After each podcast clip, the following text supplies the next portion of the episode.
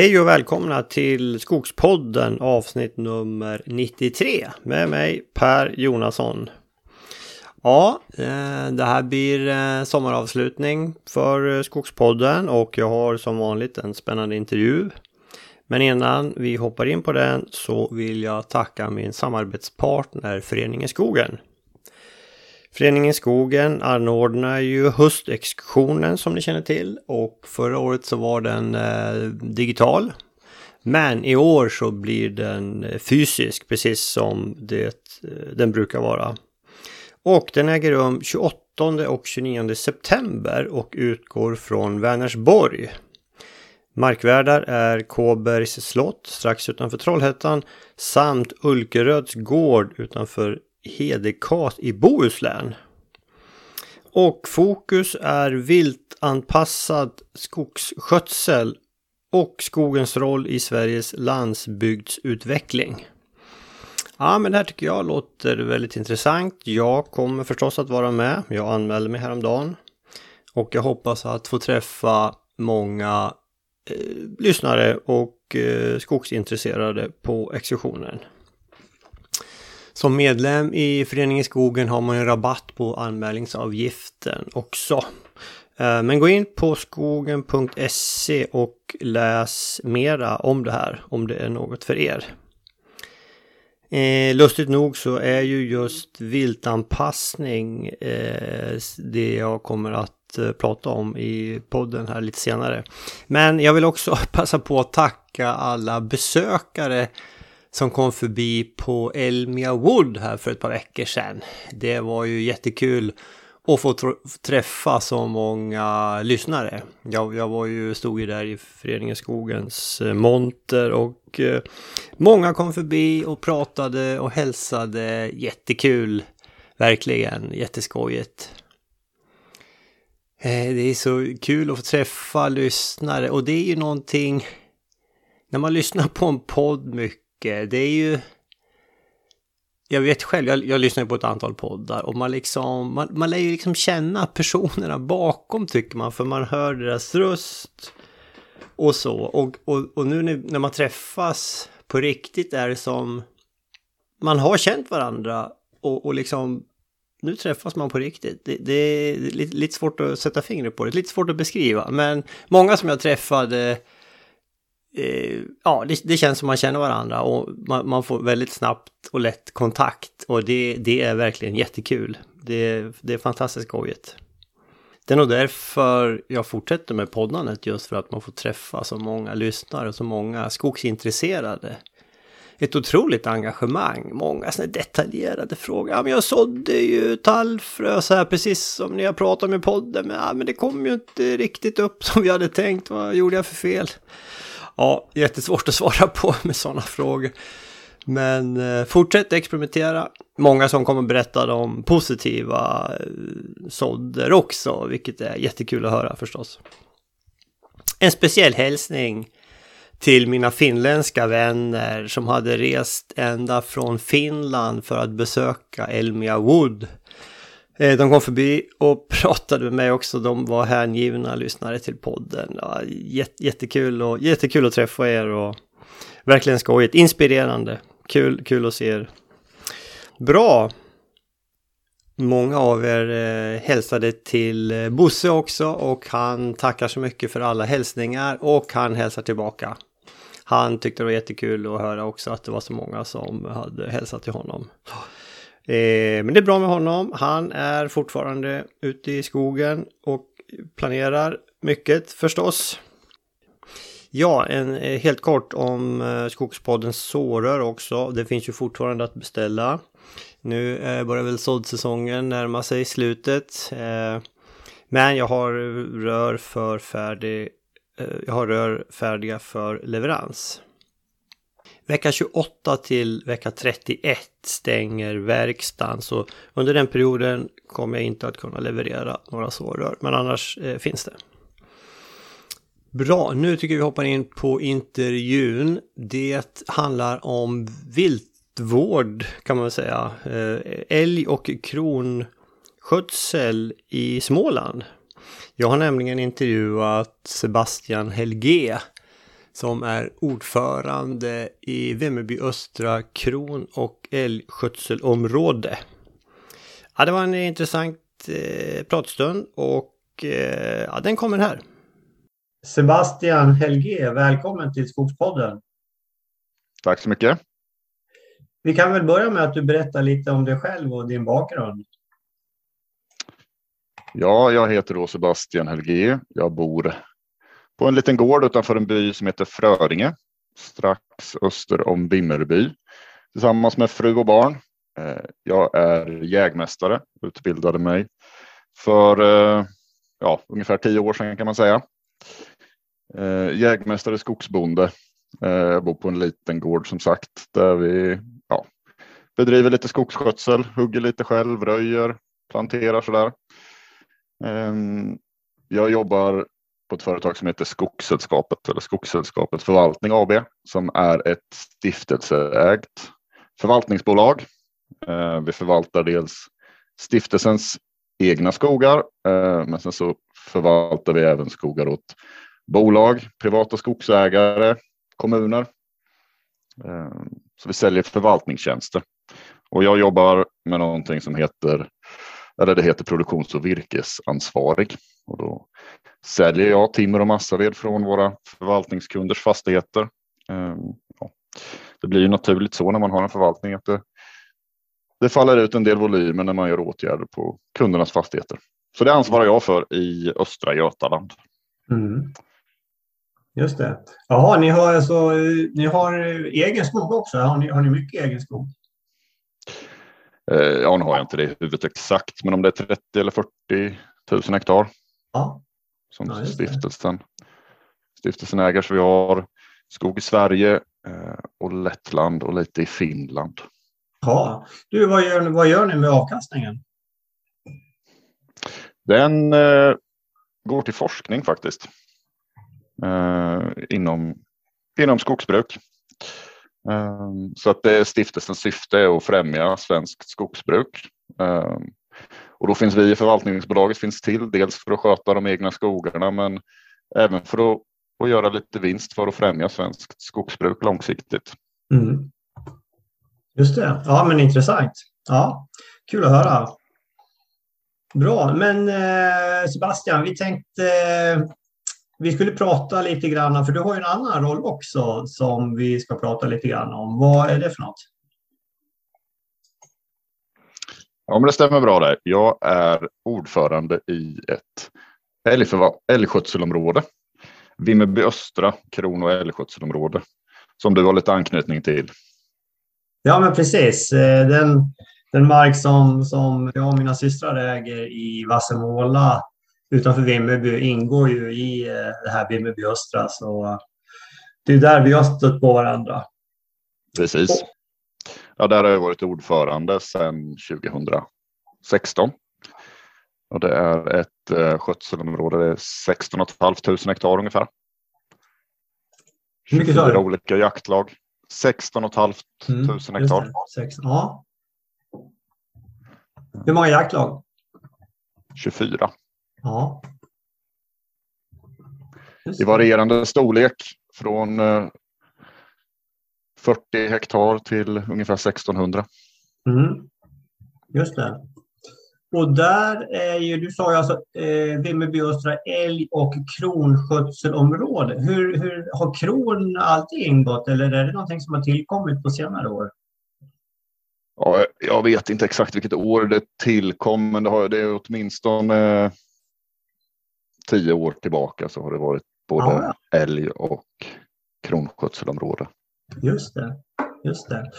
Du kan väl berätta lite grann, hur, hur fungerar liksom förvaltning rent organisatoriskt? Hur går det till? Ja, som sagt, Vimmerby Östra kron eh, och älgskötselområde, vi är 16 500 hektar. Vi ingår i ett älgförvaltningsområde, Vimmerby älgförvaltningsområde som är på ungefär 100 000 hektar. Eh, inom skötselområdet så funkar det så att vi har en styrelse. Vi har ett arbetsutskott eh, som jobbar med att ta fram eh, viltförvaltningsplaner det blir ju kron och älg som vi jobbar med, men vi måste ju även väga in de andra förekommande viltslagen. Vi har både, vi har lite dov, vi har vildsvin, vi har kron, vi har älg, vi har rådjur. Ehm, bland klövviltet då. Mm. Ja, och jag nämnde då att det finns ett arbetsutskott och det är jag och tre personer till som man kan säga sköter den, den operativa planeringen, eh, tar fram förslag på, på hur, vi, hur vi skulle kunna eh, förvalta viltet framåt. Eh, förslag som vi tar upp till styrelse och till årsmöte där alla ingående intressenter är inbjudna.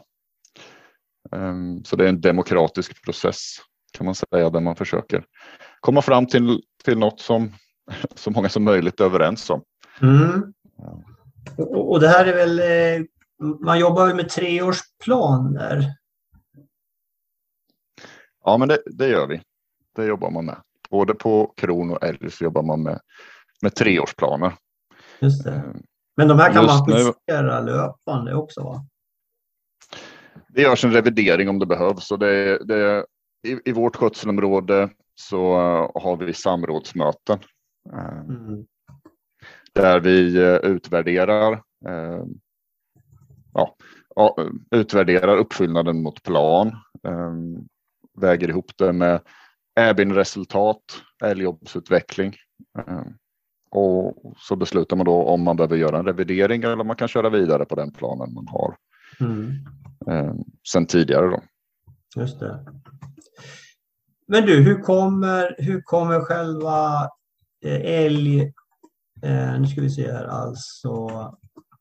Älgförvaltningsområdet, hur kommer det in? Det här lite liksom övergripande då som, som, som täcker 100 000 hektar. Hur, hur kommer de in i, i det organisatoriska? Jo, men det är som så. De, vi gör en skötselplan, en älgskötselplan. Det är en avskjutningsplan bland annat då för, för vårt område. Det gör alla. Vi är väl sju stycken ingående skötselområden i det här älgförvaltningsområdet. Eh,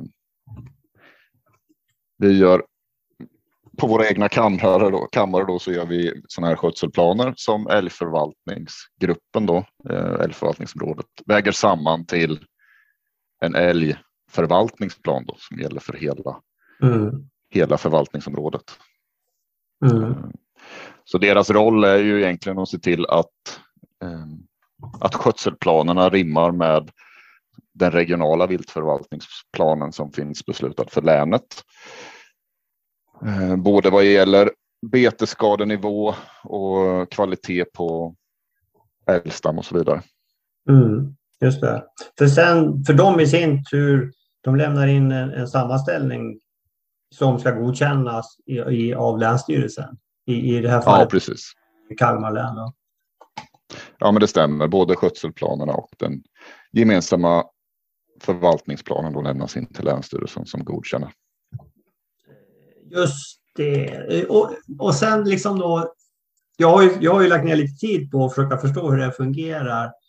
Det är inte helt enkelt. Hur liksom är samspelet då mellan skötselområdet, det vill säga det, det område som du representerar, och själva älgförvaltnings äh, äh, Eh, alltså det här, ö, ö, den här större gruppen då som, som rapporterar till Länsstyrelsen. Ja, men samarbetet funkar väl på så sätt att vi har, vi har minst ett möte varje år eh, där skötselområdena får redogöra för planuppfyllnad. Eh, OBS eh, och syn på EBIN-resultat kan man säga. Så det är ett mm. samrådsmöte mm. mellan skötselområdena och älgförvaltningsområdet. Mm.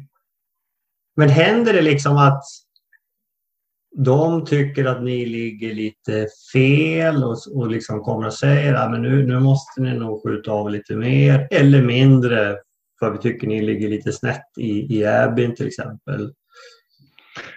Ja, men absolut, det kan hända och har hänt. Och då är det ju eh, en dialog eh, om man försöker förstå varför älgförvaltningsområdet kanske har en annorlunda uppfattning än, än skötselområdet. Eh, sen inom vårt skötselområde så vi försöker lägga ner en hel del tid på det här och analysera eh, våra resultat. Um, därför brukar vi väl stå fast ganska mycket vid vår uppfattning och det, det har funkat hittills. Ja. Um, som så. Vi utgår, kan man säga, vi utgår från äbin-resultaten, vi utgår från vår avskjutning, vi utgår från älgjobs, vi utgår från trafikolyckofrekvens. Uh, nu har vi haft en avskjutningsplan här som har varit densamma fyra år eh, bakåt. Mm. Eh, och och, och det, det funkar ganska bra, mm. eh, tycker vi. Eh, vi ligger tyvärr när man kollar på Äbin på, på en, en för hög nivå. Vi ligger ungefär på 10 procent eh, årsskador på tall. Mm. Treårsmedel. Medlet ja. för förra, förra var 12 procent så det går väl kanske åt rätt håll men inte speciellt snabbt. Nej, jag tog fram och kikade på det här. Och det är ju precis som du säger. Eh, det ligger lite högt ja. Mm. F och, ja, 2022 10 procent. Men du 2020 var det 7 procent va? Ja, på ett enskilt år. Men det får du ja. inte gå för mycket på Per. Nej, okay. man, eh, man ska alltid gå på treårsvärdet ja. där. Eh, för årsvisa variationer kan alltid finnas beroende på ja. väder och vind och, och annat. Ja, men så är det. Så tio, om vi tittar på de senaste tre åren så ligger det på 10 procent. Ja, men det, och målet är ju fem. Ja. Ja, så vi ligger lite högt där. Eh, nej, men varför jag frågar hur det styrs. För ibland så, ibland så får man ju liksom... Jag menar, alltså det, det, det är en ganska... Det diskuteras ju rätt mycket. Liksom. Hur, hur ska vi liksom få ner betesskadorna? För det är ju alltså som liten privat markägare är ju det, det är förödande att ha eh, liksom väldigt hög eh, betesskador. Det liksom förstör kvaliteten på tallen och nu är ju ändå 10 är ju väldigt högt, då, men det finns ju vissa områden där man har legat liksom ännu mycket högre och det blir ju liksom, ja, till slut så går det knappt att odla tall. Och det jag funderar på är liksom, vem är det som, är det ni eller är det EFOT som du tycker gör liksom styrningen? Det, det, är, nog, det är nog ni va, som gör det, liksom ni som är närmast eh, jägarna. Det är ganska mycket vi. Det är, eh, och med vi menar jag egentligen alla eh, som ingår i skötselområdet. Ja. Det är en fråga om att, att engagera sig egentligen. Vi har, eh, vi har 24 ingående jaktlag. Um, en klar majoritet av dem, över 20, så är representanterna som är på styrelsemöten, de är både jägare och markägare. Mm. Uh, och det färgar nog ganska mycket vår, både vår avskjutningsplan och vår, vårt tänk kring mm. förvaltning. Just det. För ni har ju, ni har ju vissa verktyg också. Du, du nämnde ju det här med älgobs till exempel. Ja, det stämmer bra. Det är ju jägarna som under de 30 första dagarna på, på jakten rapporterar de älgar de ser. Mm. Så ni får, liksom en, ni, ni, får liksom en uppfattning om hur många älgar finns det på den här ytan vi jagar och på så vis så får ni liksom ett, hur, hur många älgar per liksom, tusen hektar ligger vi på ungefär? Ja, älgobsen i sig säger inte så mycket i detalj. Där kan man mer se förändringar. Eh, det är svårt att översätta älgjobs till på ett direkt sätt översätta det till en täthet. Eh, men SLU har tagit fram ett verktyg när de med hjälp av avskjutningsstatistik och sammanvägt med eh, älgjobsen kan mm. ta fram en, en uppskattning. Och det, ja. det, det görs överallt i Sverige. Ja, ja. Eh, från och med i år.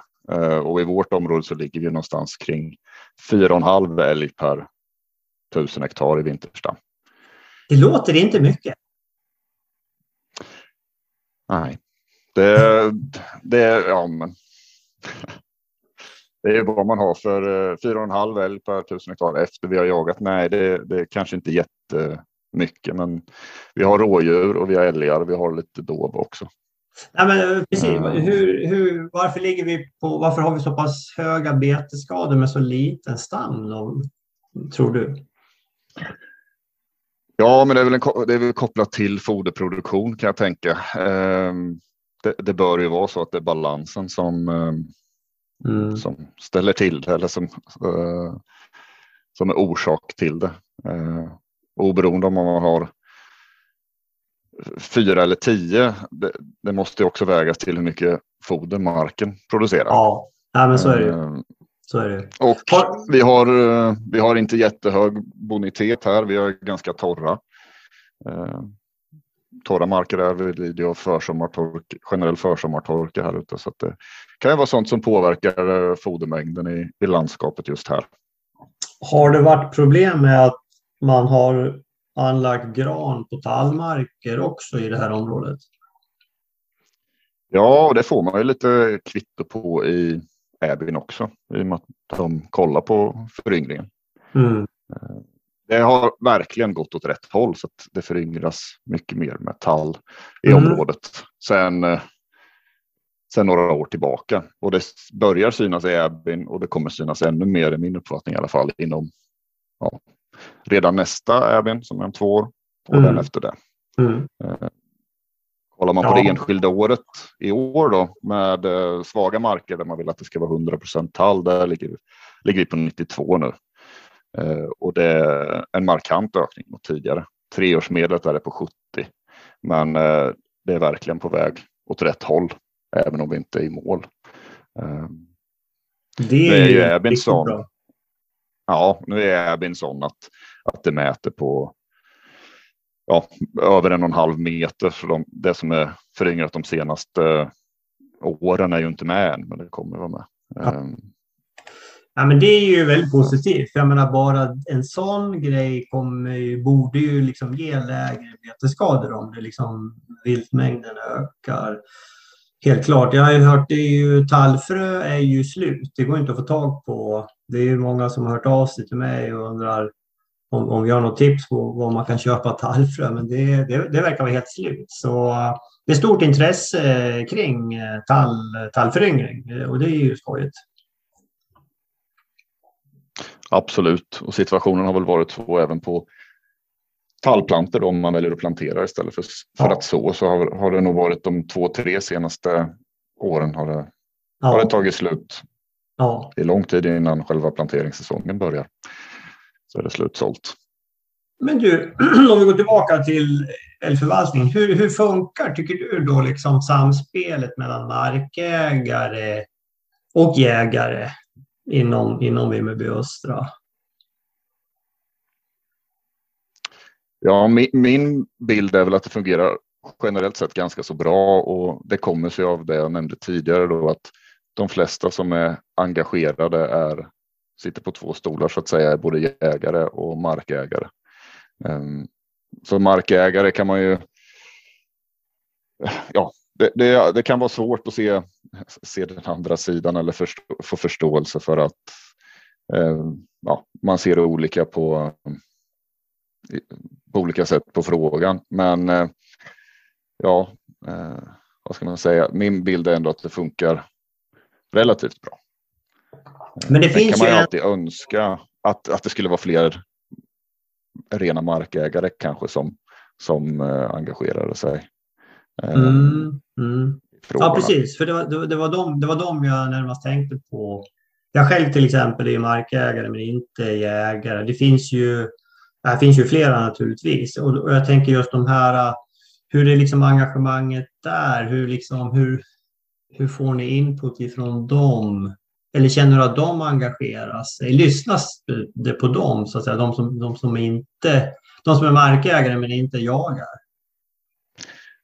Ja, jag har testat några olika varianter eh, av det där. För, för jag kände ju kanske det för några år sedan att det är väldigt svårt att få den inputen. Eh, det är inte lika stort intresse av att komma på mötena för det pratas mycket jakt och, och man är kanske in, man är inte så intresserad av just det. Då. Eh, men man är intresserad av balansen mellan vilt och, och foder. Så jag har som sagt gjort lite olika varianter. Haft enkäter som har skickats ut till till alla markägare via då jaktlagsrepresentanterna har fått vidareförmedlade till, eh, till markägarna just för att försöka få in, in värdefull, ja, värdefulla åsikter från icke-jagande Mm. markägare.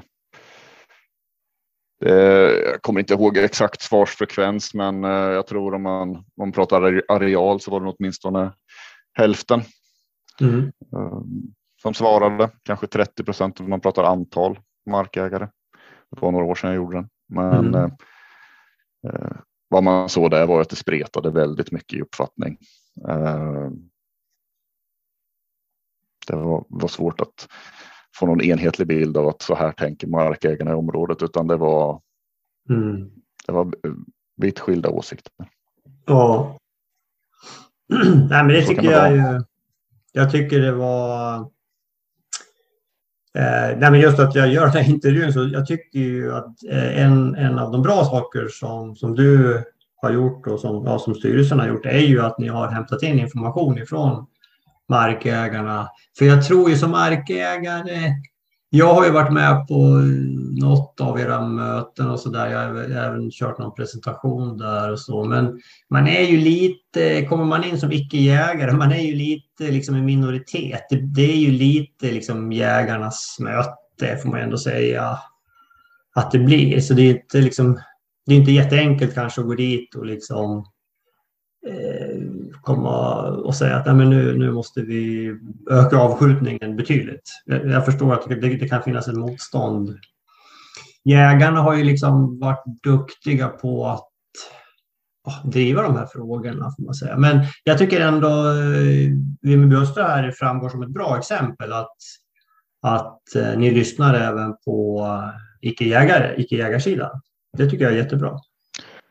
Ja, men det är roligt att höra och det, det, det försöker vi göra. Och sen, sen försöker vi väl i den mån det är möjligt att vara vetenskapliga när vi lägger våra, våra skötselplaner. Så vi utgår ju från Äbin och som jag nämnde tidigare, då, vi utgår från Äbin och vi utgår från älgjobbs, vår tidigare avskjutning och, Mm. och som situationen är nu. Du sa det att fyra och en halv älg, det lät ju inte som så mycket, men vi ser fortfarande då på Äbin att vi har 10 procent årsskador på tall.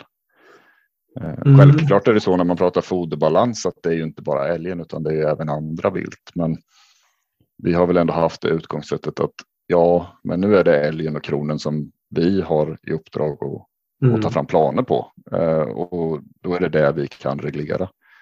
Eh, om man vill ha det på något annat sätt, att man vill ändra balansen mellan olika viltslag eller så som i sin viltförvaltning, då, då ligger det mer på eh, de enskilda jaktlagen. Eh, Ja, det är klart, Ja. skjuts det mer rådjur så blir det mer foder över till de övriga viltslagen och då kanske man kan se att man skulle kunna ha fler älgar mm. istället. Så att, eh, men vi lägger oss ju inte i de detaljerna utan vi kollar på, på resultatet och lägger älg och kronplaner utefter det.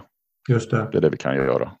Men du, i det här fallet nu då, när, vi, när det kom fram 10 procent, de här färs, eh, siffrorna är ju ganska färska. Innebär det att du kommer liksom att titta över om, om det behöver ökas avskjutningen? Att, att vi ska ner då ifrån 4,5 till, inte vet jag, 4 eller något sånt?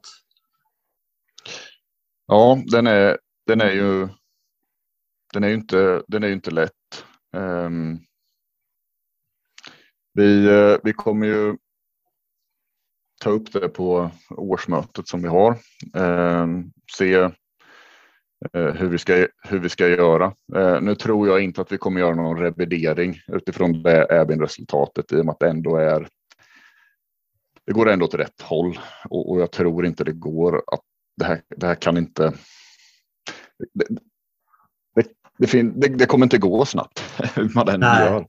Eh, så man får ta det, ta det lite lugnt. Eh, vi har ändå sett att med den avskjutningsnivå vi har haft i fyra år så har det successivt gått åt, åt rätt håll. Ja. Så vi utgår från, utgår från det nu. Eh, Mm. Vi har, vi har eh, något som har hänt under de senaste åren som kan vara en påverkande faktor är att vi har minskat antalet kronvilt då i, i området genom en, en avskjutning som har varit högre än reproduktionen. Mm. Mm, intressant, för jag, Jag tänkte komma till just kronförvaltningen. Berätta lite grann om den, för det är ju vissa områden i Sverige, bland annat i Småland ut mot kusten, där har man där har det blivit väldigt stora kronhjortsstammar som har delvis, eh, eller på vissa ställen, orsakat ganska stor skada, eller hur? Ja, det stämmer. Eh, vi gränsar bland annat mot ett, område, ett förvaltningsområde som heter Västervik södra. Eh, även i Västervik norra eh, är det gott om kron och förekommer därmed även skador från dem. Vi gränsar mot Västervik södra och de har ju, i områdena där, där, där har de en avskjutningsnivå på, jag tror det är mellan 6 kron per tusen och 10 ungefär i avskjutning då varje år. Eh, hade för några år sedan var de uppe på över 20 i ett av eh, skötselområdena där. Eh, och det är, det är bra mycket mer än vad vi har, men vi ser väl kanske att när de ökade sin avskjutning och eventuellt sänkte stammarna då så gick de ner även, gick det ner även hos oss. Ja, ja.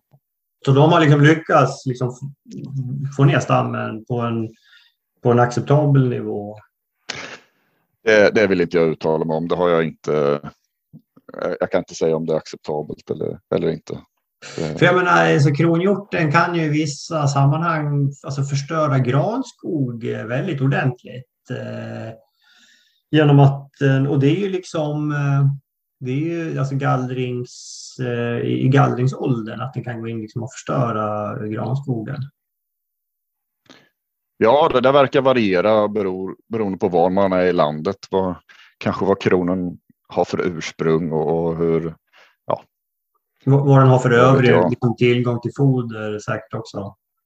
Ja, precis. Det kan, det kan vara sånt. Eh, det är väl inte helt, helt klart vad, vad det beror på. Men eh, kronviltet som finns här hos oss i alla fall, de, de gillar att, att gnaga bark. Eh, Just det. det gör de. Och då, då, eh, då tar granen stryk naturligtvis. Hur mycket kronhjort eh, finns det då? Liksom? Är, det, är, det, är, det, är det ett problem för markägarna? Vi har väl inte sett några skador än ta i trä i Vassemålområdet, men jag har hört att det, man, har, man har observerat eh, kronhjort där. Jo, men det, det finns kron. Eh, vi skjuter inte jättemånga per år. Vi, vi sköt strax under 30 på våra 16 500 hektar. Eh, så strax under två per tusen sköt vi för, för något år sedan. Ehm, nu har det sjunkit så nu, nu ligger vi mellan 15 och 20, så ungefär en per, per tusen kan man säga. Mm. Som vi skjuter och har en lite, en lite högre plan eh, än så. Och det är väl lite, jag vet inte hur man ska uttrycka sig, men lite för säkerhets skull. Eh, jag har tidigare jobbat med att, köpa virke och varit mycket ute i skogar en bit österut härifrån och, och tyvärr finns det områden där eh, det är mer regel än undantag att det är en, en väldigt hög andel skadade stammar i, i alla skogar som är äldre, eller ja, mellan 25 och 50 år kan man säga. Och då, det, då kan det ju vara allt från 60 till 100 procent barknaga stammar. Oj jäklar. Då går de in och gnager alltså på, på, på stammarna för att få i sig barken? Ja, det är någon, antagligen någonting med fiber. Eh, men ja, de, de gnagar på stammen och sen så får de, blir det blödskinnsinfektion. Eh, mm. Sån rötsvamp. Just det. Eh, ja, men jag vet vid något, tillfälle, kanske... vid något tillfälle Sebastian så har ju du sagt att ja, men vi, vi, vi måste liksom vara väldigt proaktiva här så att vi liksom inte får in en, en väldigt stor stam. Eh, och det, det, det verkar ni ju ha lyckats med so far? Ja, vi har ju vänt utvecklingen då. Vi hade mellan 2010 och 2019 blev det, så hade vi en, en, en ökande avskjutning och vi upplevde att vi hade ökande an, en, en, att tätheten kron per tusen hektar ökade successivt. Eh, men där någonstans så, så vänder det. Eh, och det kan mycket väl ha att göra med att de eh, närliggande eh, skötselområdena med ännu mer kron började skjuta mer helt enkelt. Mm. Eh, så våra planer mer matchade mot, eller var högre än den interna reproduktionen i skötselområdet. Ja. Sen ska man ha med sig att eh, när man pratar kron om man lyssnar på dem som, som kan något så är det minst 50 000 hektar som man ska ha för att kunna förvalta en, en kronstam. Eh, och vi, vi jobbar på våra 16 500 men samtidigt så vägs ju det samman med, med övriga eh, ingående skötselområden i, i, i vårt förvaltningsområde. Men det är kanske inte de vi delar kronstam med utan det kanske är de som ligger i förvaltningsområdet bredvid. Det är ju komplext och djur är inte precis, de kan inte fastighetsgränser eller skötselområdesgränser eller förvaltningsområdesgränser riktigt. Nej, nej det men är det samma alltså? Har alla skötselområden som ingår i Vimmerby FO, har de med kron i sina förvaltningsplaner? Ja. Det Just det. Och det, okay, det så, så, så, i Vimmerby EFOT så är det även med kron då? Ja. Ja, just det. Ja, men smart.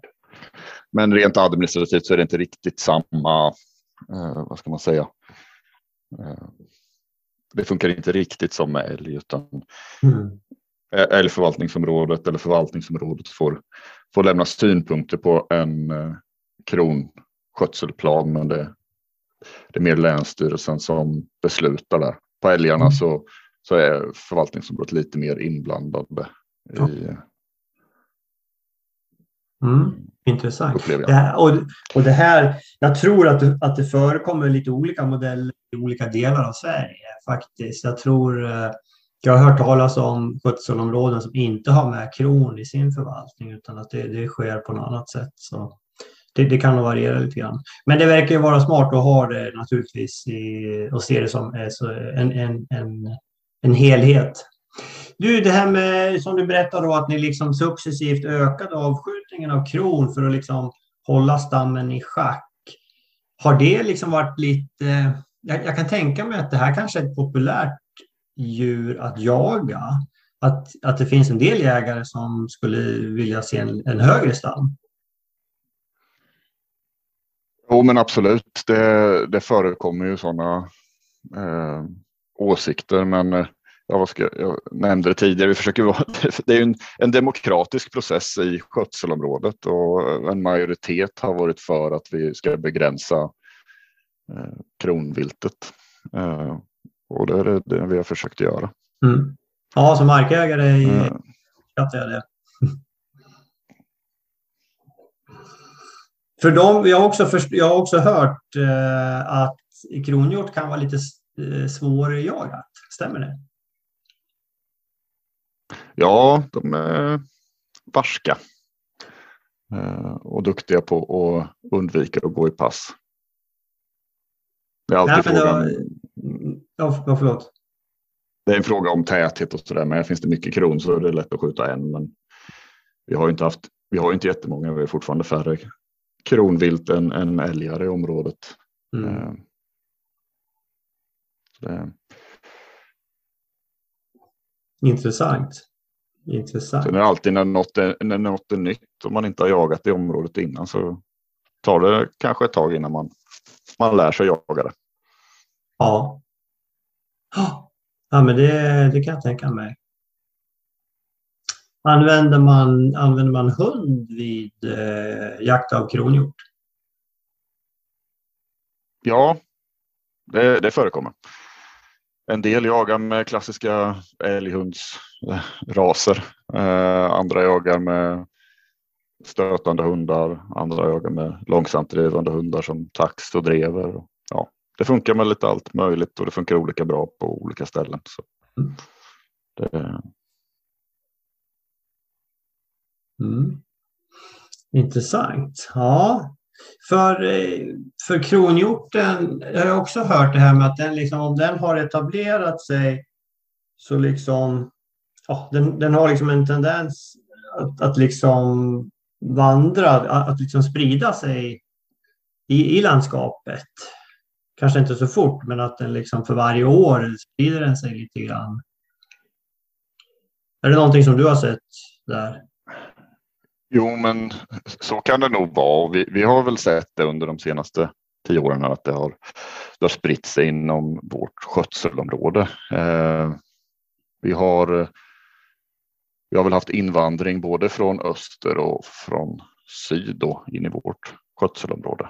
Eh, så det kan man säga att det är två olika populationer eller lokala populationer som eh, det kommer från två olika håll kan man säga. Mm. Eh, och det verkar variera lite grann. Vi, det går från år till år att vi skjuter, eh, vi skjuter nästan. Det är få jaktlag som skjuter alla kron vi skjuter inom skötselområdet. Det skjuts inte alls i alla 24 jaktlag som jag nämnde att vi var, utan eh, jag tror att i, förra året så var det två jaktlag som sköt hälften av eh, de 18 kronor mm. sköt. Mm. Så det är ganska, har varit ganska lokalt. Året innan så var det två andra jaktlag som sköt ja. hälften av alla. Men är de lite, det, det var... lite, flock, lite flockbetonat helt enkelt? Ja, absolut där. Mm. Det, det är ett, ett flockdjur. Eh, sen är de, enligt de som kan så är det även kan de vara störningskänsliga och så där. Så skjuter man mycket eller jagar mycket på, på en mark där de förekommer så är det inte säkert att de är där eh, framöver helt enkelt. Nej. Ja, de är lite, lite smartare. Det var någon som berättade, jag kommer inte ihåg vem det var, men det var just det här när man, när man ska ut och jaga kronhjort och så är man lite oförsiktig och liksom smäller i bildörren på vägen ut till passet. Ja, men då bara drar den iväg liksom tre kilometer åt andra hållet. Typ. att de, eh, att de ja, så... ja, men det har väl gjorts lite olika studier med GPS-halsband och sånt där på, på kronvilten. Man har sett att de, de reagerar starkt på störningar och, och vet vad, vad det är frågan om. Ja, intressant. Fascinerande. Det är vackra djur. Alltså jag har jag har aldrig sett något i, i verkligheten i vildtillstånd faktiskt inte. Nej, det har jag inte gjort. Har du skjutit någon? Ja, då. jag brukar skjuta någon varje år. Ja, ja bra. Mm. Jag hade, I morse hade jag faktiskt en, jag är uppe i nordvästra Dalarna nu i Grövelsjön och hade en eh, rolig älgupplevelse här i morse. Jag var ute och sprang upp längs Grövlan och då liksom stötte jag till en eh, älgko med två kalvar. Oj. Och de här, de här kalvarna, de, var, de måste ha varit nyfödda. Den, den minsta, det, det var liksom som en stor hund. Det var inte större. Oj. Och, de, ja. och de här blev oroliga och liksom då började springa över Grövlan. Och, och som tur var så är det ganska lite vatten i Grövlan nu. Så jag menar, mamman tog sig över utan problem. Men den minsta kalven, den, den liksom fick verkligen kämpa. Men den kom över fint också. Men ja, det var väldigt Ja, men det var ju skönt. Ja, ja det var skönt. Ja. väldigt vackra och graciösa, men eh, fantastiskt små. Det var, det var kul att se. Ja, men det är en kul naturupplevelse. Ja, ja men det är det ju. Ja. Ja, vad spännande. Vad, vad, finns det mer att berätta om viltförvaltningen då? Hur, eh, har du mycket kontakt med liksom andra eh, skötselområden för att liksom stämma av hur det går och hur de, hur de ser på, på, på liksom balans, viltbalansen och så där? En del ja, det har man både under pågående jaktsäsong och så här och efter. Eh, dels har vi de här samrådsmötena som förvaltningsområdet organiserar, men sen har man ju även en informell dialog när man ringer och, och kollar läget. Mm. Eh, så det, så man har lite erfarenhetsutbyte. Mm. Någonting som kan vara lite intressant att nämna är väl de kvalitativa målen man har på viltstammen också för viltförvaltning handlar ju även om det. Det är ju dels att begränsa, eh, om man utgår från ett skogsägarperspektiv så är det dels att begränsa betesskador och så vidare, men det är ju även viltförvaltningen ska också syfta till att ha en hög kvalitet i, på de viltstammar man har. Mm. Eh, och där, där, där utgår vi från den regionala viltförvaltningsplanen som eh, gällande då för Kalmar län. Där vi ska ha eh, en viss andel tjurar av vuxna djur. Och, och vi ska ha stora kalvar och vi ska ha hög reproduktion. Mm. Och på, om man pratar om andel tjurar då så är det någonstans 35-40 procent en, en, en rimlig nivå att ligga på enligt eh, den här regionala förvaltningsplanen och där, där ligger vi rätt. Eh, likadant på reproduktionen så är målet att det ska vara på 0,8 kalvar per vuxet hondjur. Eh, även där så ligger vi på, på målnivån. Men där vi kraftigt avviker är ju då slaktvikten på älgkalvar. Mm. Tyvärr. Där, eh, våra kalvar väger någonstans 50 till 55 kilo slaktade. Eh, och måltalet där är 65. Så det är ganska långt ifrån tyvärr.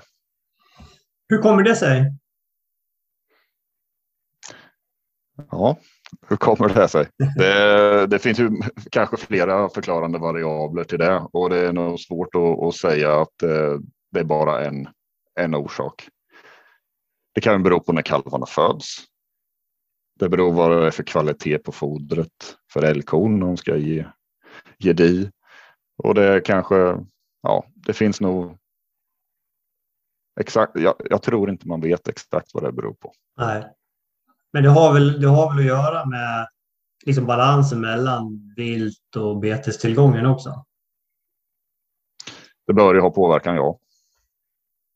Mm. Sen är det svårt att säga att det är exakt bara det. Men ja, nej. eh, Ja, precis. rimligtvis har det påverkan och vi har väl haft det som utgångspunkt lite grann i vår, i vår förvaltning också. Eh, sen vet man att äldre kor, eh, om man får upp medelåldern på älgstammen och, och korna är äldre så har de till en viss gräns så är det högre reproduktion och, och större kalvar. Mm. Av den anledningen så försöker vi ligga på en hög kalvandel i vår avskjutning. Så vi, vi försöker ligga på över 60 procent kalv av Ja. de älgar vi skjuter. Och det, det är där vi ligger. Eh, Ja. Och vi hoppas att det långsiktigt ska ha, ska ha effekt. Mm. Ja, kul, kul.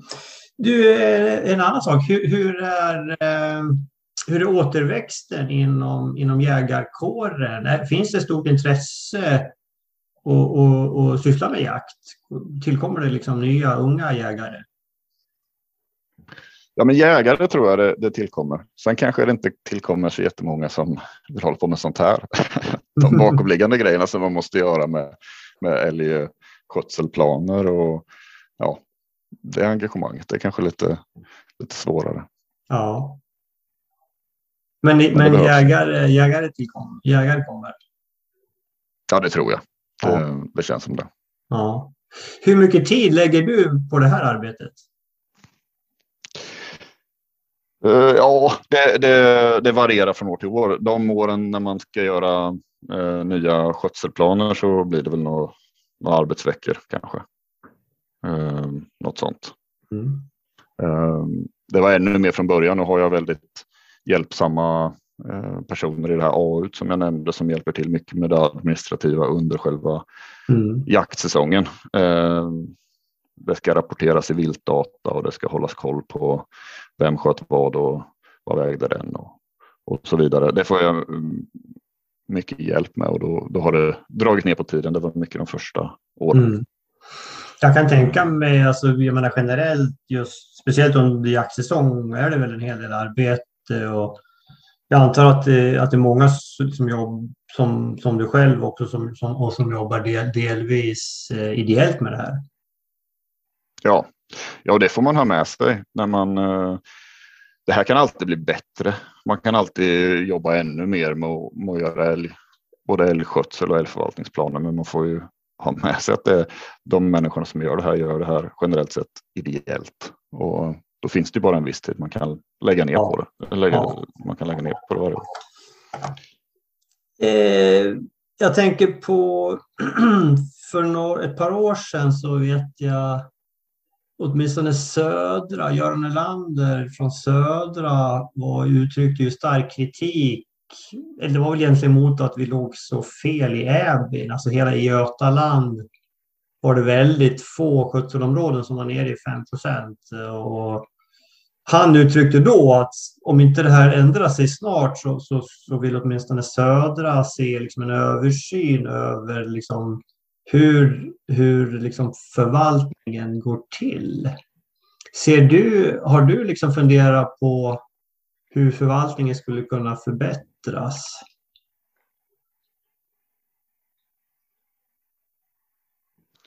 Ja,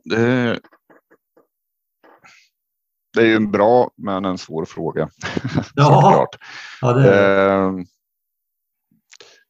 eh, ska man säga, en, en hel del av det arbetet man gör i ett skötselområde skulle eh, kanske kunna göras snabbt och effektivt eh, eh, på, på annat sätt eller samordnat på något annat vis. Exakt hur vet jag inte. Men, men samtidigt så får man inte tappa att det är de som markägarna och jägarna i skötselområdet som ska få bestämma. mm. Det, det, det, är ingen lätt nöt att knäcka så. Eh, Nej. Man kan, tänka, man kan tänka att det kan göras effektivare och med bättre måluppfyllnad, men man vill ju inte tappa demokratiperspektivet i förvaltningen heller. Nej. Så, Nej, känner, den- så känner väl jag. Eh, Den lokala förankringen är ju viktig. Eftersom det skiljer sig ganska mycket åt, liksom även på ganska små ytor gissar jag. Ja, absolut. Och, och jag tycker det kan skilja på, på enskilda markplättar inom vårt skötselområde när man pratar betesskador och så där. Och, eh, det försöker väl vi förmedla när vi har våra, våra möten och träffar både markägare och jägare att man får, man får tänka på, på hur, eh, hur man förvaltar exempelvis rådjursstammen också. Ehm, Mm. Eh.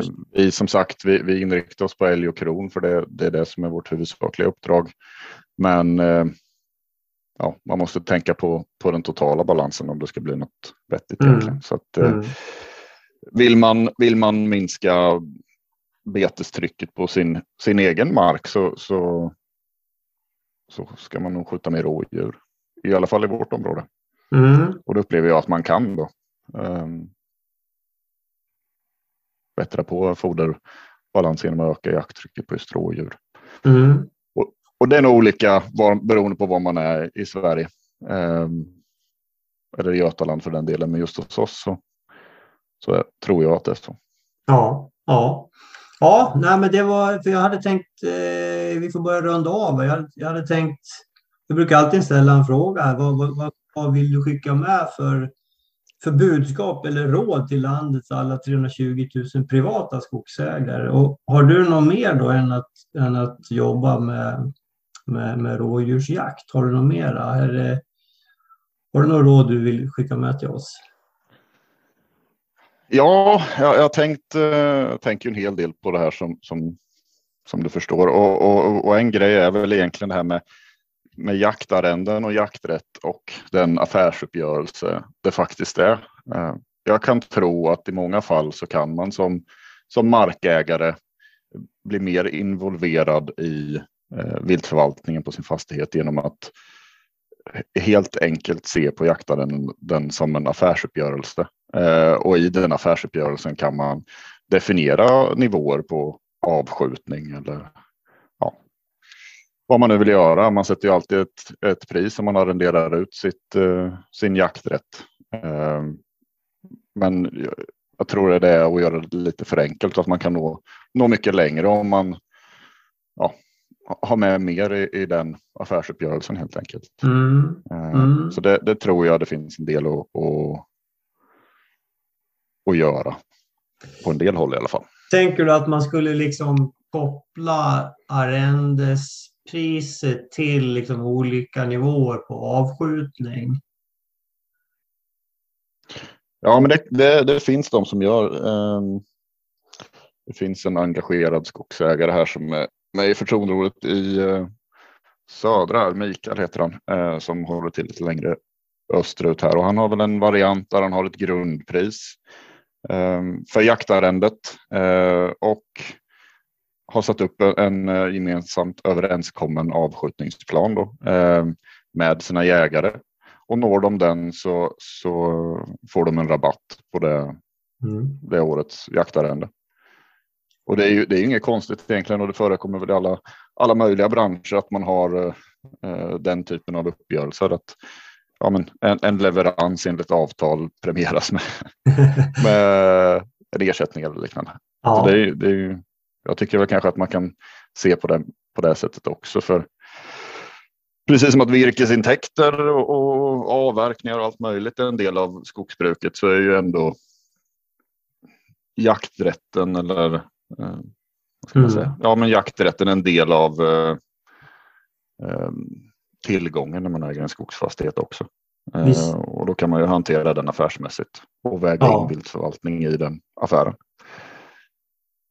Ja, men så är det ju. Så Absolut. tänker jag.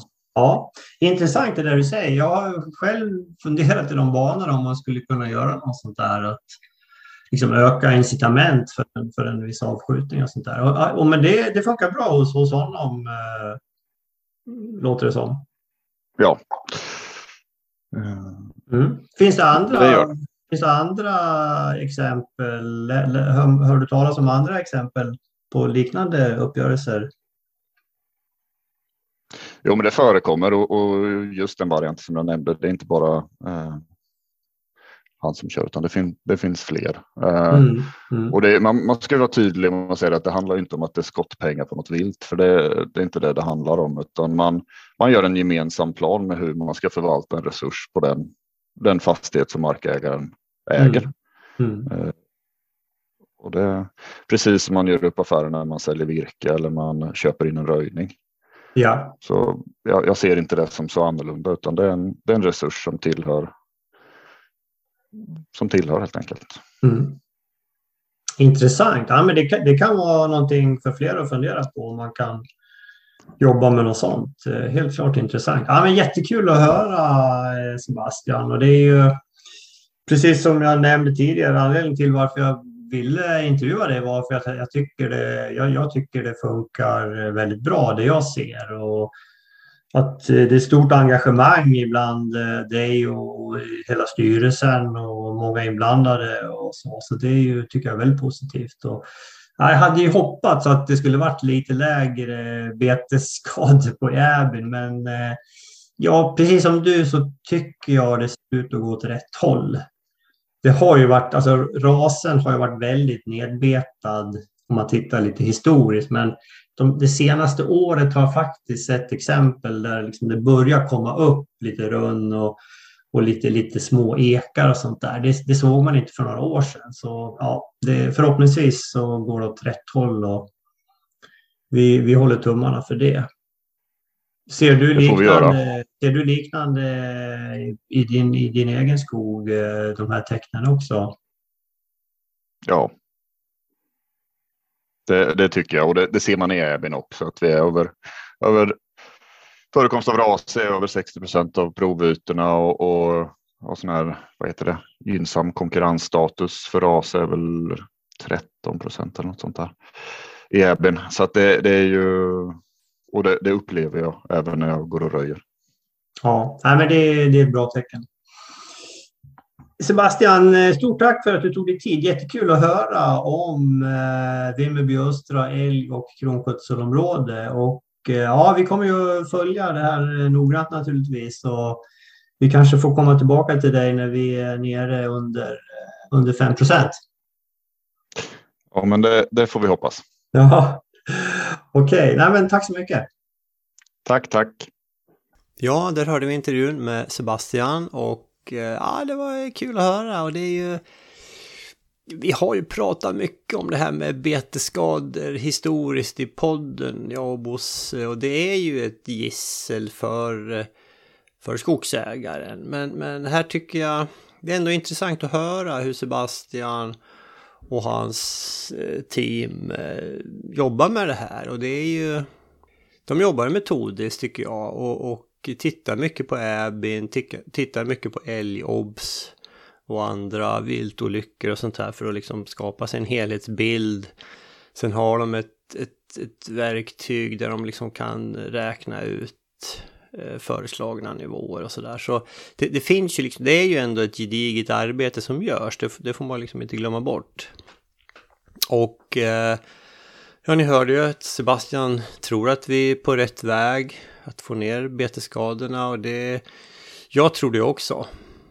Och eh, vi kommer naturligtvis att följa det här väldigt noga förhoppningsvis kan vi komma tillbaka och eh, få göra en koll efter nästa Abin får vi göra helt enkelt. Och här rekommenderar ju alla markägare att gå in och, och titta på hur det ser ut på, i era skogar då.